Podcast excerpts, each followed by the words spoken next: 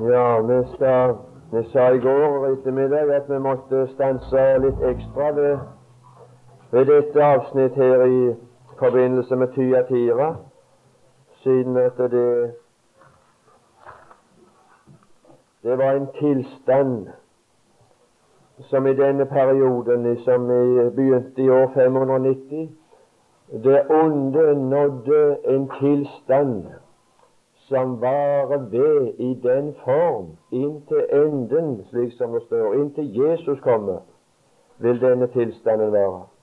Og den vil, det er ikke Jesu gjenkomst til luften, som dere er omtalt i det 25. vers i Johannes' åpenbaring 2. Men det er Jesu gjenkomst til Oljeberget, hans synlige komme. Det er det Jesu gjenkomst som er omtalt i evangeliet. Det er menneskesønnens dager. Og det som skulle gå foran menneskesønnens dager, da skal det være så stor en trengsel, sa Jesus, som det ikke har vært ifra skapningens begynnelse og inntil du, og det skal aldri mer komme det. Og hvis ikke de dager ble forkorta, så ble intet kjøtt frelst. Men for de utvalgte skyld så skal dagene forkortes. Og så kommer han, og så befrir de inntil jeg kommer. Denne tilstanden vil være inntil jeg kommer. Og denne onde tilstand av en bekjennende kristenhet som er falsk, den vil vare gjennom trengselstiden. Og det er den som skal avsløres under trengselen. Den var falsk. Og den skal dømt. Og jeg vil få lov Ja, før jeg leser, før jeg sier noe mer, så vil jeg gjenta hva vi til en åpning. Uten denne karakteren i oss, at den vil seg selv sterkt forplikte dette eneste ene og ville det som Jesus vil, og holde alt annet for hor og utroskap. Før så vil en ikke bli ført fram gjennom disse sannhetene. Du kan høre og høre uten å høre.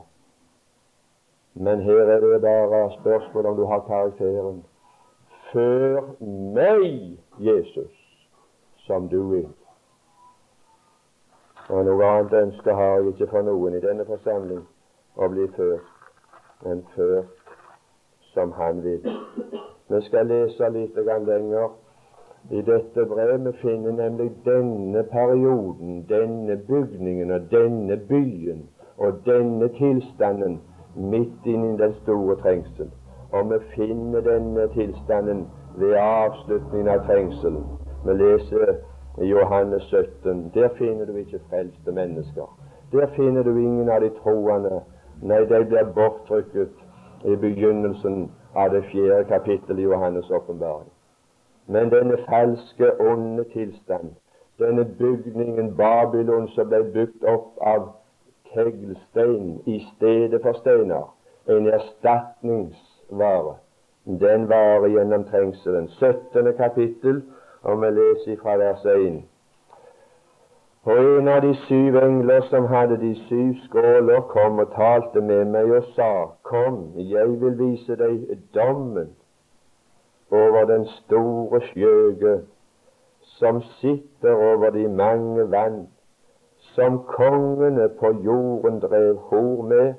Og jeg gjenta at hor i Bibelen er bare en eneste ting, og det er utroskap. Og før jeg går videre, så skal jeg komme inn med en parentes, for det, det, det gikk litt sårt for meg her en dag før. Jeg eh, refererte til ungdomsoversettelsen og dens svakheter. Og i forbindelse der så siterte jeg at det der som noe en mann ser på en gift kvinnesak, og det er slik det står i ungdomsoversettelsen, men det gikk i så for meg men det er ungdomsoversettelsen som i det tilfellet har den mest autentiske oversettelse i, henhold til grunnteksten. For hvis den ugifte mann ser på en gift kvinne for å begjære henne, så har han allerede drevet hor med henne i sitt hjerte, og hor er utroskap. For hvis det begynner som, som en, enten som en giftemann og ser på en kvinne, eller som, som en ugiftemann og ser på en gifte kvinne, så, så er det utroskap. Det er det som er. Det er det det er. Det er et frafall ifra sin første kjærlighet. Men de mennesker som ikke er gift, har ingen unnskyldning for sitt blikk og for sitt liv om de ikke gjør hor ved å se slik. Men ugifte mennesker de driver utukt som er under en større dom, eller under samme dom som de som driver hor. For hor kan bare gifte mennesker gjøre. Men utukt, det er det som ugifte mennesker gjør når de pleier omgang med en annen uten å være gift. Så her har du Bibelens forklaring hva hor er, og hva, at det er utroskap. Og det er det vi leste om her. Kongene på jorden drev hor med henne og de som bor på jorden, ble drukne av hennes horeløvens vin. Jeg skal si at, at den katolske kirka har vært utro i alle retninger. Det har ikke vært troskap som har vært hennes dyd. Det har vært skjøgen som tar den første og beste, som byr seg på markedet det er skjøgekarakteren som tar hva som helst, og hvem som helst. Og de bruker noe i slike forbindelser. De bruker vin for å beruse, for å få folk ifra sans og samling. Hvorfor er det så stort salg av brennevin i Norge? For det drives så mye hor. Det er for, det er for oss å sløve seg sjøl for det er den som er nødvendig for å leve slik. Hennes hore levnets vin. Og han førte meg i ånden ut i ørkenen. Og jeg må få lov å tilføye at skal du bli med, førte med inn i åpenbaringen, så må det nok være i ånden. Jeg var bortrykket i ånden på Herrens dag, og når han nå ble ført videre, så var det i ånden. Her nytter det ikke å være i legeme, her nytter det ikke med det sjelelige. For det er bare Ånden som har forbindelse med Gud. Den som tilber Gud, må tilbe ånd. Ikke, ikke, ikke i sjelelig ekstase, som det er blitt så kolossalt av på vår, da, i vår tid. Jeg, hadde, jeg, jeg, jeg tror jeg må skeie litt ut ifra, ifra mitt strenge program så får det gå som det vil med, med bibeltimen, og får ta det som det kommer. Jeg var Jeg skal ikke si hvor jeg var, men jeg var en tur og hadde møter. Hadde lovt 14 dager i en forsamling som jeg visste ikke svarte til de forsamlinger som jeg var vant med å vandre i. Men jeg hadde fått noen venner der. Og av dette vennskapet og dette presset så så til slutt så, så gav jeg et løfte, for de spurte meg på et års framtid. Da hadde jeg ikke unnskyldning at jeg var opptatt. Jeg hadde sagt jeg er opptatt, jeg har ingen anledning, jeg er opptatt, jeg kan ikke komme. Men du vet, hadde jeg sagt at jeg var opptatt da, så, så hadde jeg måttet tatt ei løgn til hjelp. Eller så måtte jeg sagt rett og slett at jeg ville ikke, og det hadde jeg ikke lyst til å si. Og så ble det til at jeg reiste. I den forsamling så hadde de fått en ny forstander, og det var, det var en av de, de mest radikale pinsevenner, uten altså at det går til angrep på noen nå for det. Han var en av de mest radikale pinsevenner som jeg har kommet i berøring i mitt liv. Jeg skal ikke si noe ifra, ifra den virksomheten unntatt det siste møtet så leste, så gikk han fram, og så skulle han begynne møtet. Så leste han om bryllup i Kana. Og så sa han at når vi nå har hatt denne broderen her i denne forsamling, så, så har det ikke blitt mangel av vann. Og vann vet vi hva det står for i Bibelen, det er Guds ord. Ingen skal beskylde denne broderen for at det ikke er Guds ord han har servert oss. Han har forkynt bare Guds ord. Og det har hatt en virkning så ingen i denne forsamling kan unngå å ha lagt merke til. Det er det at forsamlingen er blitt edru. Var, her, var, her var skrik, her var skrå, her var liv, her var ekstase før han kom.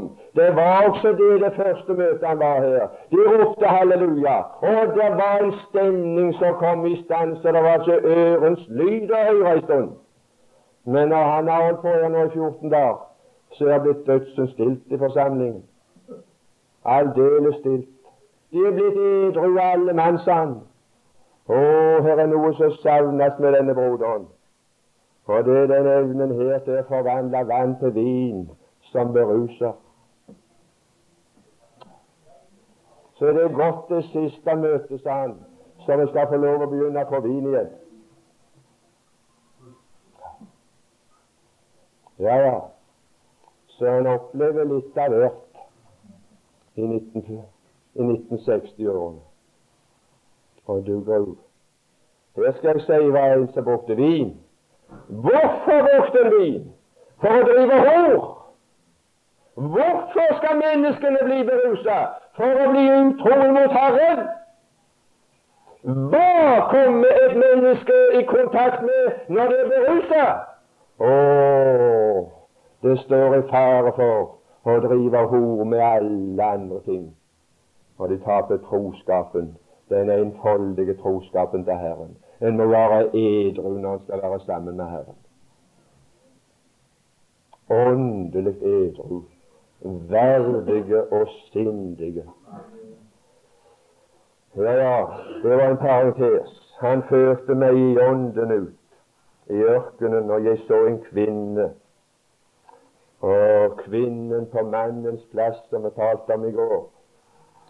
Jeg så en kvinne sitte på et skarlagenrødt dyr som var fullt av bespottelsesnavn, og hadde syv hoder og ti horn. Og kvinnen var kledd, og du med rakke for Nå kommer prakten. Ja, nå kommer prakten. Nå kommer skruden den katolske prakt og skrud. Det er der som de har samla purpura. Det er der det skarlagenrøde finnes.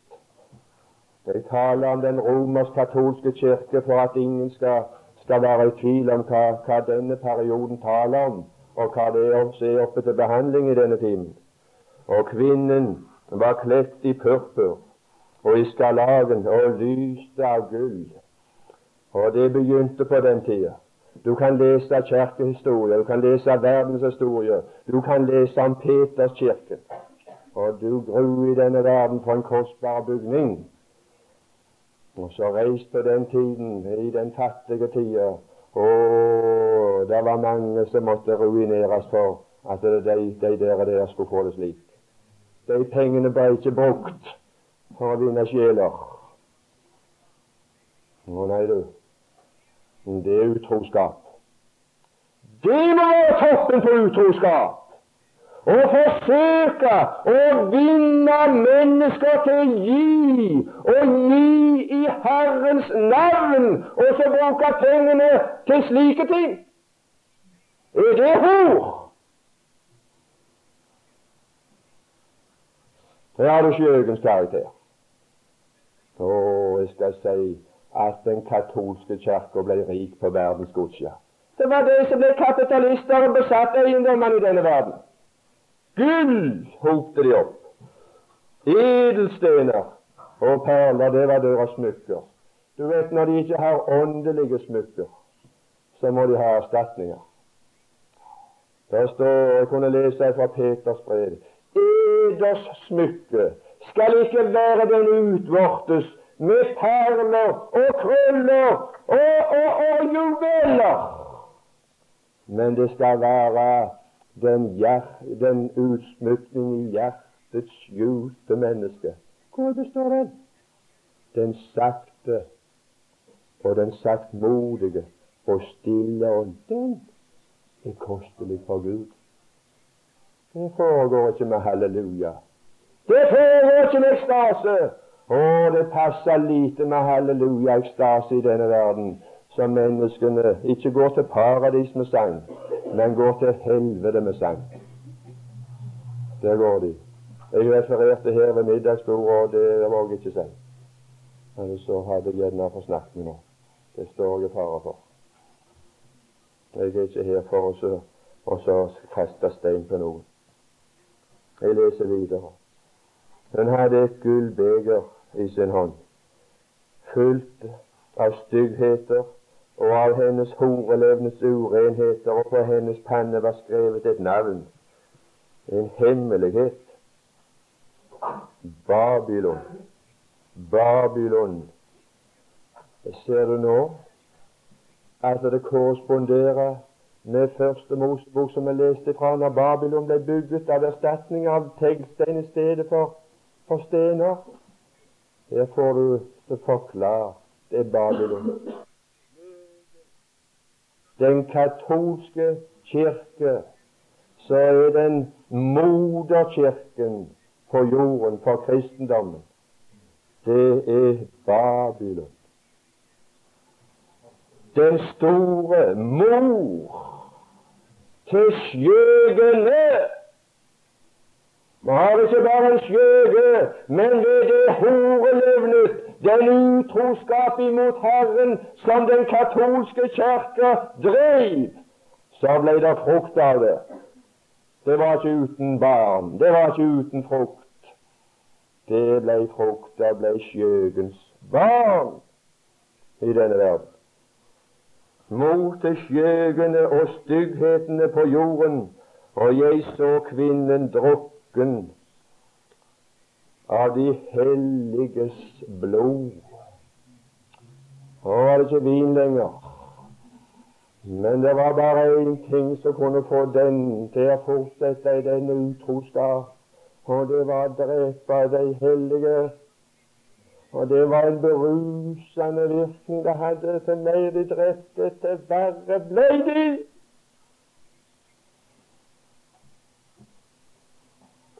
Og jeg undret meg storlig da jeg så henne. Ja, det måtte være et sjokkerende syn for Johannes å se hvem som var skjøgen. Å, jeg skulle lure på om ikke, om ikke dette òg var noe som du undra deg over som kom til dette kurs. For jeg undret meg storlig da jeg så henne. Jeg leser videre. Og engelen sa til meg, hvorfor, un, hvorfor undrer du deg? Jeg vil si deg hemmeligheten med kvinnen og med dyret som bærer henne, og som har de syv horn. Jeg vil ikke så, kanskje lese alt dette her, men niende vers så skal vi se denne forklaringen han gir. Her gjelder det vett som har visdom. Her gjelder nok ikke menneskevett. Dette går over mitt vett, sa han, og det går langt inn i presten sitt. Ja, det går mye over presten sitt. Ja, det gjør det. For menneskenes bistand har Gud gjort til dårskap. Hvem de er er, og hva de er er, og hva de gir seg ut for å være. Her gjelder et annet vett, og heldigvis at vi har noe annet vett enn menneskevett. Og jeg skal avsløre menneskevettet både i denne timen og de timene som vi har igjen ifra Guds ord. Åh, her er det en ting som gjelder, om vi må bevare vår enfoldige troskap imot Herren. For det skal jeg si, at ingen her i denne forsamling er sterkere enn at han ved innflytelse av disse krefter Og jeg skal si, nå skal jeg bruke bildet nå skal jeg bruke bildet fra naturen, for det har vi, dette her har vi kvinne og mann. Det er det som er bildet. Jeg tenker her med på Kristus og menigheten. Og jeg skal få lov å påstå at han som står her, han regner seg ikke for å være sterkere på det kjødelige og det sanselige området. Men jeg må ta meg i vare for skjøgen. Og jeg skal fortelle deg det, at hvis det gikk er så skjøgen åpenbarer seg. For der så skjøgen øver sin tiltrekning, så skulle finne en tilhenger her. Det er stoff i meg som tiltrekkes av sjøen. Det er noe i øynene mine som bare har lyst den veien.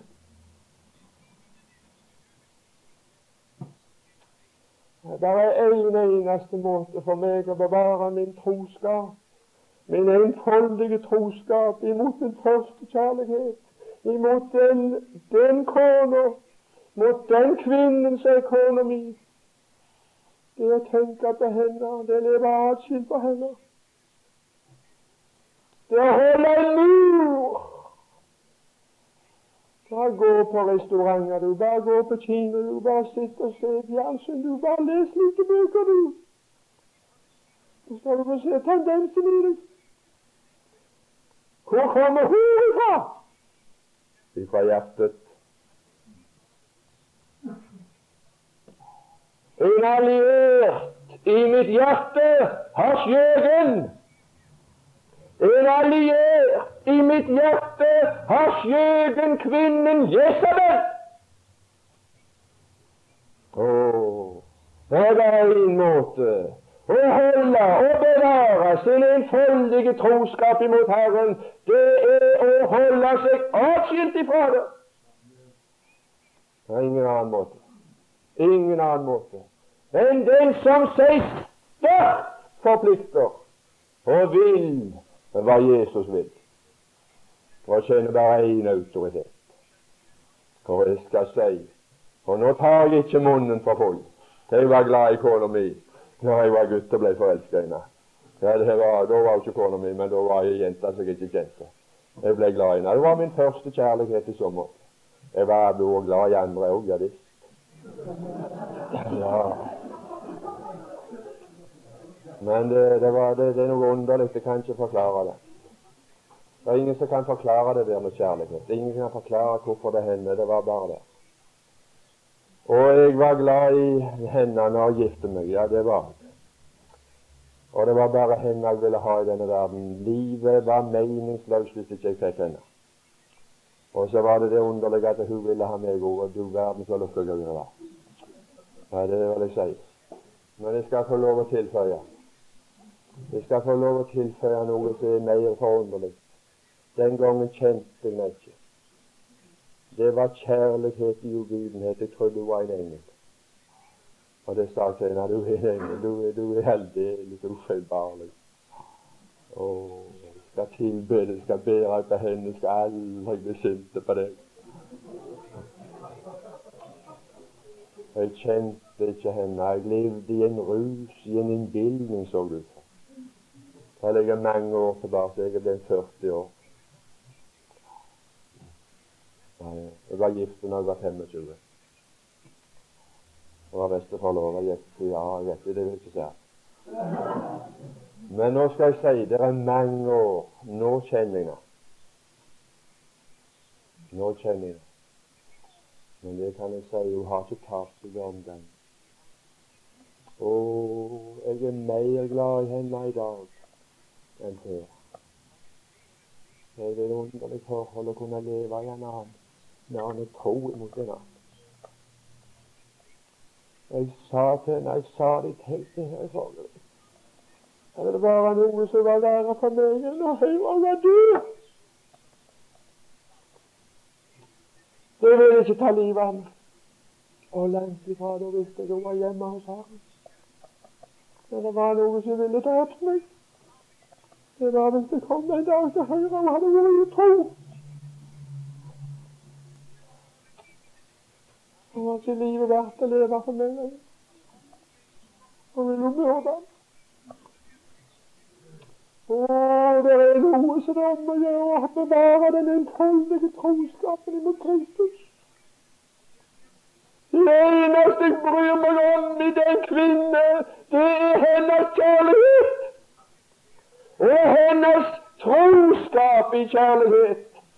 Det er en ting som Herren er interessert i. Ikke min tjeneste, hva kan gjøre? Men min kjærlighet og min troskap imot Han.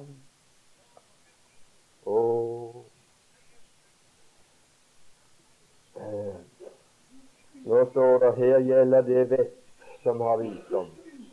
Og det gjelder det samme vettet blant kvinner og menn som det gjelder mellom frelst, de frelste og Kristus.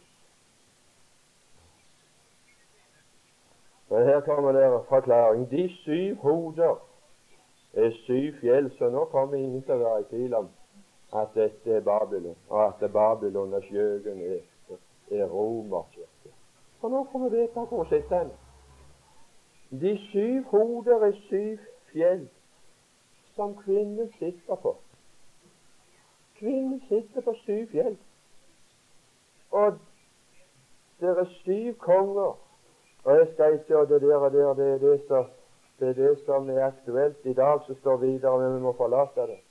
Men jeg skal, jeg skal, jeg skal bare dra fram ifra leksikon, ifra geografien, det som jeg har lært som mintes, og som nå kom i hu når jeg leste disse tingene, og har betrakta disse tingene nå gjennom lange tider.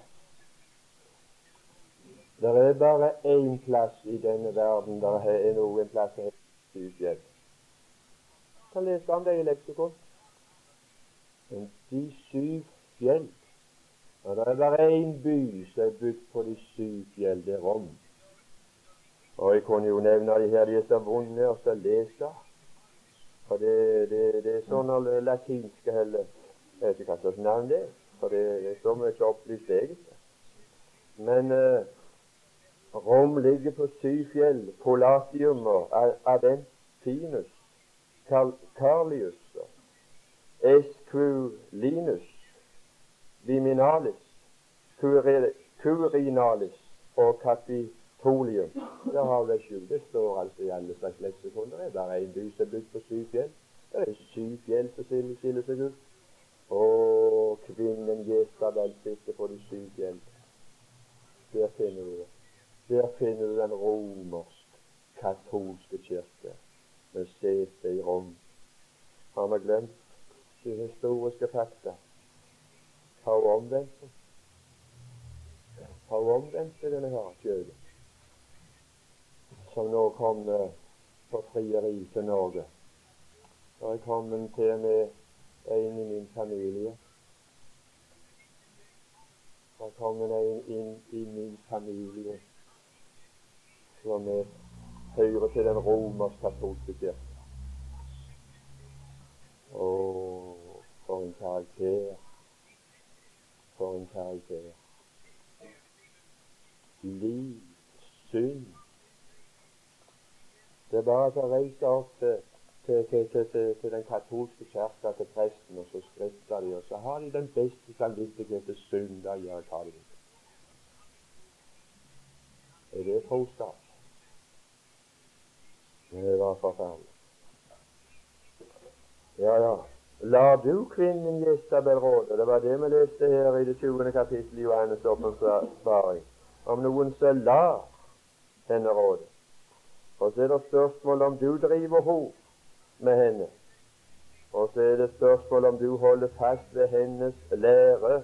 Og nå var det i denne timen jeg ville dra fram noe av denne lære. Og hvis det ikke var så aktuelt, så skulle sannelig ikke oppta noen tid. Men fordi denne lære siger sakte, men sikkert som en lavastrøm ned av fjellene. Og han kommer, og han kommer, og han kommer også til deg. Det kan du være sikker på. Kvinnens lære vi har hørt om en kvinne. Vi har begynt i å sammenligne Johannes' åpenbarings sju brever med Matteus evangeliets 13. kapittel sju lignelser. Himlenes rike var ligna med. Efesus var og ligna med en mann som sådde. Det var klinte, det var kveite som ble avla når Gud sådde Guds ord. Det var Guds barn. Så kommer du til den andre lignelse. Himlenes rike består ikke av en kveiteåker i denne verden. Det var slik i begynnelsen, men det ble ikke varende slik. Det var en fiende som sådde. Det var det vi hørte om i Smørna. Da fikk vi en synagoge som bestod både av kveite og klinte. Ja, en fiende sådde ugras i samme åkeren som det var sådd kveite i. Så nå var de sammenblanda. Nå var det en sammenkalte forsamling, det var ikke en utkalte. Tredje lignelsen fortalte oss om at himlenes rike var lignet med sennepskål som vokste abnormt til et stort tre. Den tredje brev som jeg leste om her, Pergamum, det forteller oss om når, når, når himlenes rike, når kristendommen forvandler karakter ifra å være Guds barn som en kveiteåker, ifra å være en har karakter som en synagoge, til å bli en verdensmakt når de gikk inn i et ekteskap med staten, med makten. Hva skal jeg si? Og så, så er den fjerde lignelsen som hendte i år 590. Det hendte noe da. Det er det ikke. Det har hendt noe i historien. Og det som har hendt, har hatt konsekvenser. Det har alltid konsekvenser når det hender noe. Den fjerde lignelsen i Matteus 13 den? den korresponderer med Tyatira-brevet. Og den fjerde lignelsen i Matteus 13, der hører du om en kvinne. Men det er så du hører om her i, i Tyatira. Om en kvinne som tok surdeig og skjulte i tre skjepper med mel. Der har du kvinnen. Og sånn går det når kvinnen kommer på mannens plass. Menighet, Kirken, tok noe av sitt eget og tilla læren. Og så var det den virkning at læren ble ødelagt.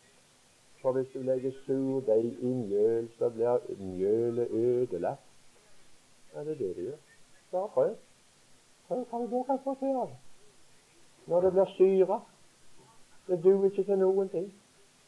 Og hva var det som ble tillatt? Det var vranglære. Det var en lære. Kirkens lære ble lagt til. Bibelens lære. Og det er denne tiden vi har fått disse her kirkefedrenes lære og troesbekjennelser og bekjennelsesskrifter som har fått autoritet. Og det er det som er hor, og det er det som er utroskap. Å få menneskene bort fra den enfoldige troskap til Bibelen. Og så ha noe i tillegg. Ja, ha noe utenom. Det er utroskap. Jeg ble beskyldt for på et årsmøte for at det var, det var bedre å være Jehovas vitne enn å være et menneske som bekjente seg alene til Bibelen. Så langt går det an å komme. Å, de skal få spott, de skal få hån, de mennesker som tar et klart standpunkt for Kristus her i denne verden, i en enfoldig troskap til ham, for han er forkastet av denne verden. Og den som vil leve sammen med Herren, han må nødvendigvis komme i forkastelsen. Han må nødvendigvis få samme forsmedelsen som han har. Ellers lever du i utroskap. Og jeg vil få lov å føre deg tilbake til 19, perioden i Norge fra 1940 til 45.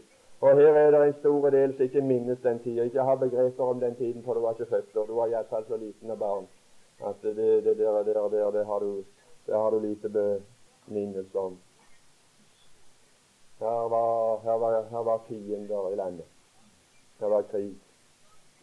Og det var bare én måte å unngå Og det var bare én en eneste måte og så, og så ha fred på i 90, fra 1940 til 45. Det var til å bli en landssluker. Det var ved utroskap. For så lenge som du hadde fiender i landet, så gjør det ikke an å ha fred med fienden samtidig som fienden dreper våre sønner.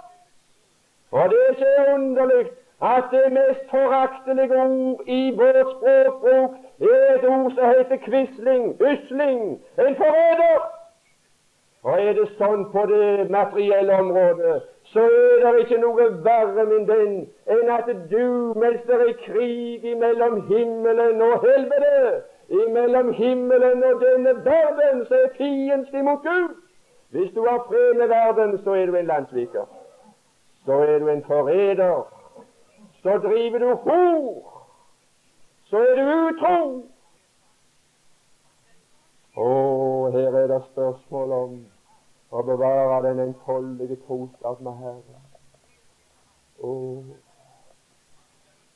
og som jeg hørte fra begynnelsen av å leve på tomannshånd med Herren, han kysser meg. Han kysser meg med kyss av sin munn. Og du og du. Det er bare de to som er tro imot hverandre i et ekteskap som vet hva kjærlighet er. Det er bare det. Det er bare de som forplikter seg på Guds prinsipper, som er lykkelige. Ingen annen kan være lykkelig. Når disse murer er nedrevne, som er lest i Nehemias bok, første kapittel, og de som nå lever i landskapet der, det er ulykke og vanære fordi Jerusalems murer er nedrevet. Og hvis disse murene er nedrevet, så kan du si hva du vil, men du er ulykkelig. Og så er det jeg på et møte i Ålesund bedehus. Det er sunnmøringer her. Det gir jeg, eh, bryr meg ikke om. Jeg skulle stå til ansvar for, for det. Jeg var der på et høstmøte. Det var ca. 1000 mennesker på møtet. Og det var noen som var så sang der. Og så hadde jeg talt Så hadde jeg talt om et ord fra Bibelen hvor det lyder Der er ingen fred for den ugudelige. Og det er det at menneskene ikke får fred i verden, som gjør det mulig for Gud å komme inn. Men når Gud kommer inn, og når de to kommer sammen med hverandre, og de to blir forenet igjen og blir frelst og får samfunn med hverandre, så får de fred. En uforstyrra fred, så lenge så det er troskap mellom dem. Du kan være sikker. Så var det en som kom fram på arenaen og sa at det var, det var en sterk tale. Og det var en frimodig mann. Og det var Jeg vet ikke om han brukte stolte ord. Jeg har også bekjent meg for å være en kristen. Jeg bekjenner meg også for å være et menneske som lever med Gud. Men så hovmodig kan ikke jeg være og si at jeg har fred.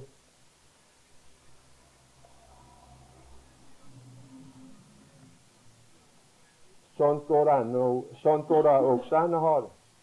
Sånn går det også an å si det. Og jeg skulle si det om forholdet mellom meg og kona. Så begynte jeg å lure på det der som jeg bor her oppe. Altså. Da vil jeg begynne å lure på Hvis det ikke, var fred mellom meg og kona. Hvis jeg ikke visste det. Hvis jeg ikke hadde det i sinnet mitt. Jeg har ikke tvilt det og når Herren frelste meg, så var frelsen. Guds rike består i disse egenskapene. Og Guds rike er inni eder. Det er ikke noe synlig. Det består i slike ting. Og har du ikke de tingene som Guds rike består i, så har du ikke Guds rike. Forstår du det? Du lever i en innbilte tilstand. Og Guds rike består i rettferdighet. Det består i fred. Og har du ikke fred, så har du ikke Guds rike. Og så består det i glede. Og har du ikke glede, så har du ikke Guds rike, hva i verden du måtte ha. Så hvem er din glede? Ikke hva. Og hun er min glede. Hun er min sang i dette livet. Henne er jeg priser livsdagen lang. Jeg er ikke på, på, på, på klubber. Jeg er ikke på nattklubber. Jeg er ikke på restauranter. Jeg er ikke og ser på kino på filmstjerner. Jeg ser på min egen. Og han er min glede. Han er min sang. Han vil jeg prise livsdagen lang, jeg skal si. Hvis jeg ikke hadde glede der, så hadde jeg ikke Guds rike. Åh, kommet inn i skjøgens havn. Ja, ja. Det var det store overblikket jeg skulle holde meg til. Og det var, det var vondt. Nå skal jeg vel iallfall ta frem noe av hva som ble tillagt til læren, og ta det frem fra Guds ord. Så den gangen historisk ble tillagt til læren, og så vil det vedbli slik inntil Kristus kommer til Oljeberget. Matteus evangeliets 16. kapittel og det 12. vers. Matteus evangeliets 16. kapittel og det 12. vers lyder det Men ta eder i vare Ja, her er noe å ta seg i vare for. Var dette tilfellet på Bibelens tid? Var det slik at det var om å gjøre for Jesus å få menneskene til å oppfatte alvoret i tiden? Så er det mer om å gjøre for deg som kom her, å få oppfatte alvoret i det som du må deg, la deg advare imot. Ta eder i vare når det gjelder lærespørsmål, ta eder i vare for fariseernes og saduseernes lære. Og En annen plass sier han når han talte om surdeig Det var ikke om surdeig i brød tenkte. Jeg tenkte på lære. Og når du tillegger fariseernes lære til Kristi lære, så blir Kristi lære ødelagt. Og Nå skal jeg ta noen eksempler. Lukasevangeliets tolvte kapittel og det første vers. Lukas 12, 1. Der skal du se hva fariseernes lære består i. Den surdeigen, hva den består i. Når en får den sorten surdeig inn i bekjennelsen, i den kristne bekjennelse, at jeg bekjenner. Jeg tror ja, det har jeg vært med på. Jeg har stått i en forsamling hvor de har i fellesskap sagt at jeg tror. Ja visst har de det. Men eh, jeg kjenner vedkommende. Nå skal du høre hva det står om i Lukas 12,1. Det var tillagt noe til den bekjennelsen. Det var surdeig igjen. Fariseernes lære er hykleri.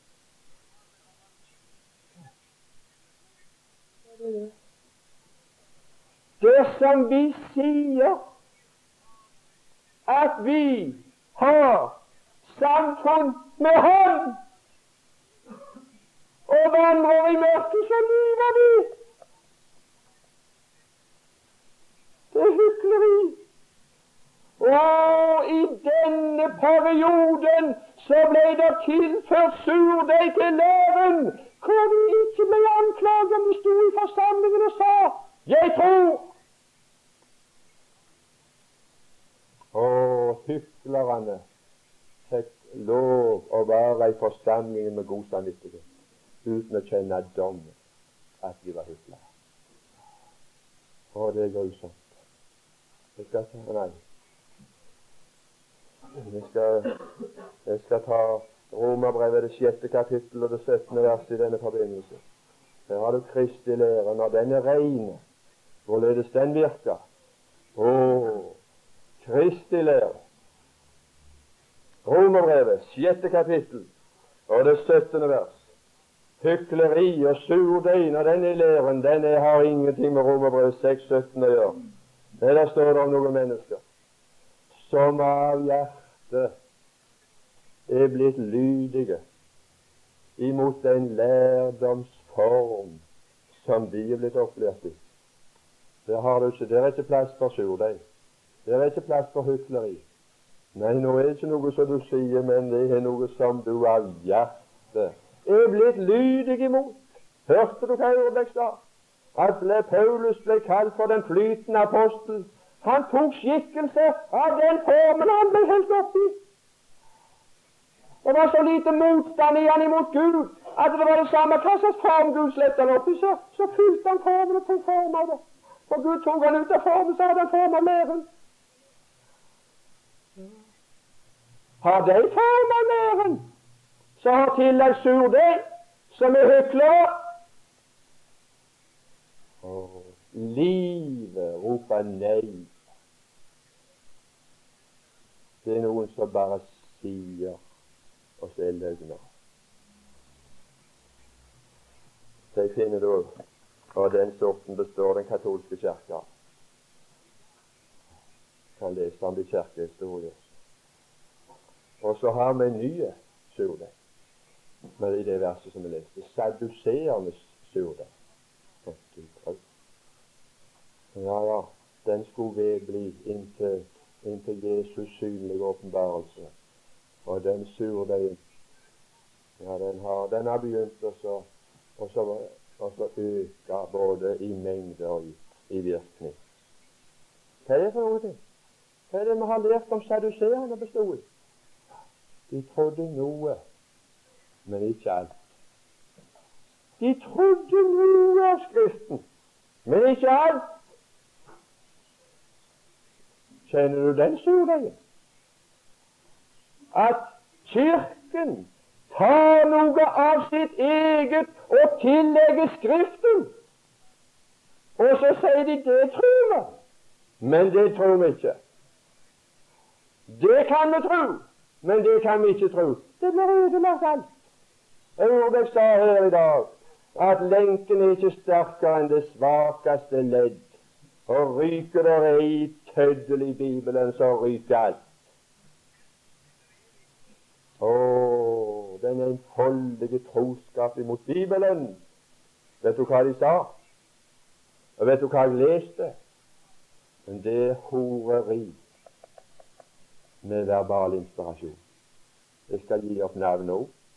Det er en prest på Vestlandet. Han var prest i Skjold. Nå er han prest i Fana oppe med Bergen. Det sto i dagen, og jeg kan ikke sitere det ordet, men jeg er ikke i det minste tvil om innholdet i det han sa, og jeg skal stå for det for en hvilken som helst prøve. Han sa at det var, det var åndelig horeri.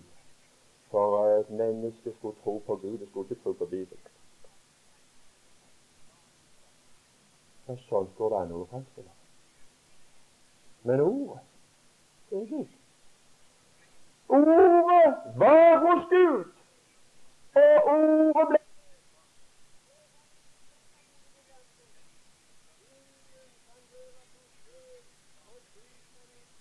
Kristus, det er Hans ord. Og hvis noen kommer og beskylder kona mi for at du driver henne fordi hun tror på mine ord, ja, da tror jeg det sviver rundt i toppen på deg. For det vitner nettopp om hennes troskap imot den. Du tror mine ord. Å, min troskap imot Kristus avslører seg i at jeg tror Hans ord. Og hvis det kommer saduserende surdeigen her Jeg skal referere til et møte fra Ålesund bedehus. Det var et høstmøte som Misjonssambandet hadde i Ålesund. Og så hadde de Karl Fredrik Wisløff som taler.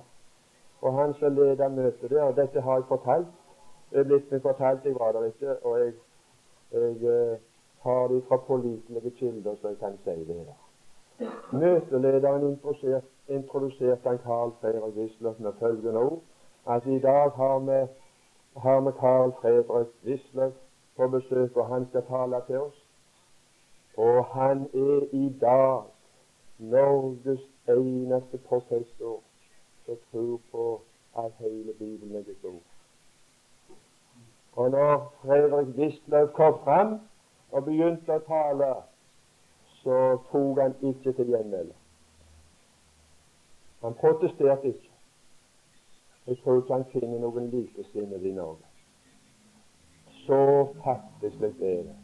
Så mørkt er det! Å, det er saduseernes surdeig som er kommet inn i den bibelske, den kristi lære. Og holde på! Hvis de ikke har ødelagt alt i sammen, de som lar seg, de som ikke holder seg ren ifra denne lære Her har det med lære å gjøre. Dette har med et bibelkurs å gjøre. Her er det spørsmål om å få ren lære, så jeg kan være tro imot Kristus i en enfoldig troskap. Jeg må få lov å ta med noe mer. Herodes i Markus evangeliet, det åttende kapittel og det femtende vers. Markus evangeliets åttende kapittel og det femtende vers.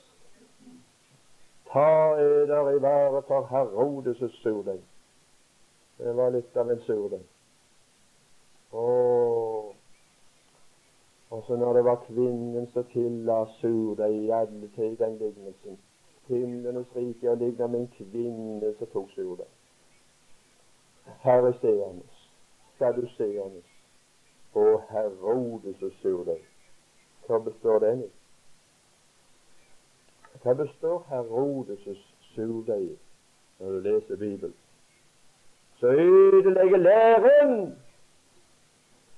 Og tror du det er noen i denne forsamling som er redd Når jeg skal gå vekk fra det historiske overblikk og tale åndelig oppbyggelse nå før jeg må si ammen, for jeg skulle ønske jeg hadde hatt én time, to timer, ei uke på dette. For dette ser jeg så alvorlig. Å, her står noe i Bibelen om Herodes, at han var en nytelsessyk konge. Det var den mest nytelsessyke konge som er omtalt i Bibelen. Nytelsessyke. Når den blir tillagt til læren, så blir det ødelagt alt sammen. Kjødelig og materiell nytelsesliv når det blir tillagt til læren. Hvem var det som gjorde det? Hvem var det står til av kjødelig og materiell jordisk nydelse til kristen forkynnelse og gudstjeneste? Det var kvinnen. Det hendte i år 590, når den katolske kirke førte inn noe for øyens lyst og for kjødets lyst og for storaktighet i levnet storaktighet i levnet. Iblant presteskapet i den katolske kirke så er det bare storaktighet i levnet og frotteri på de andres bekostning.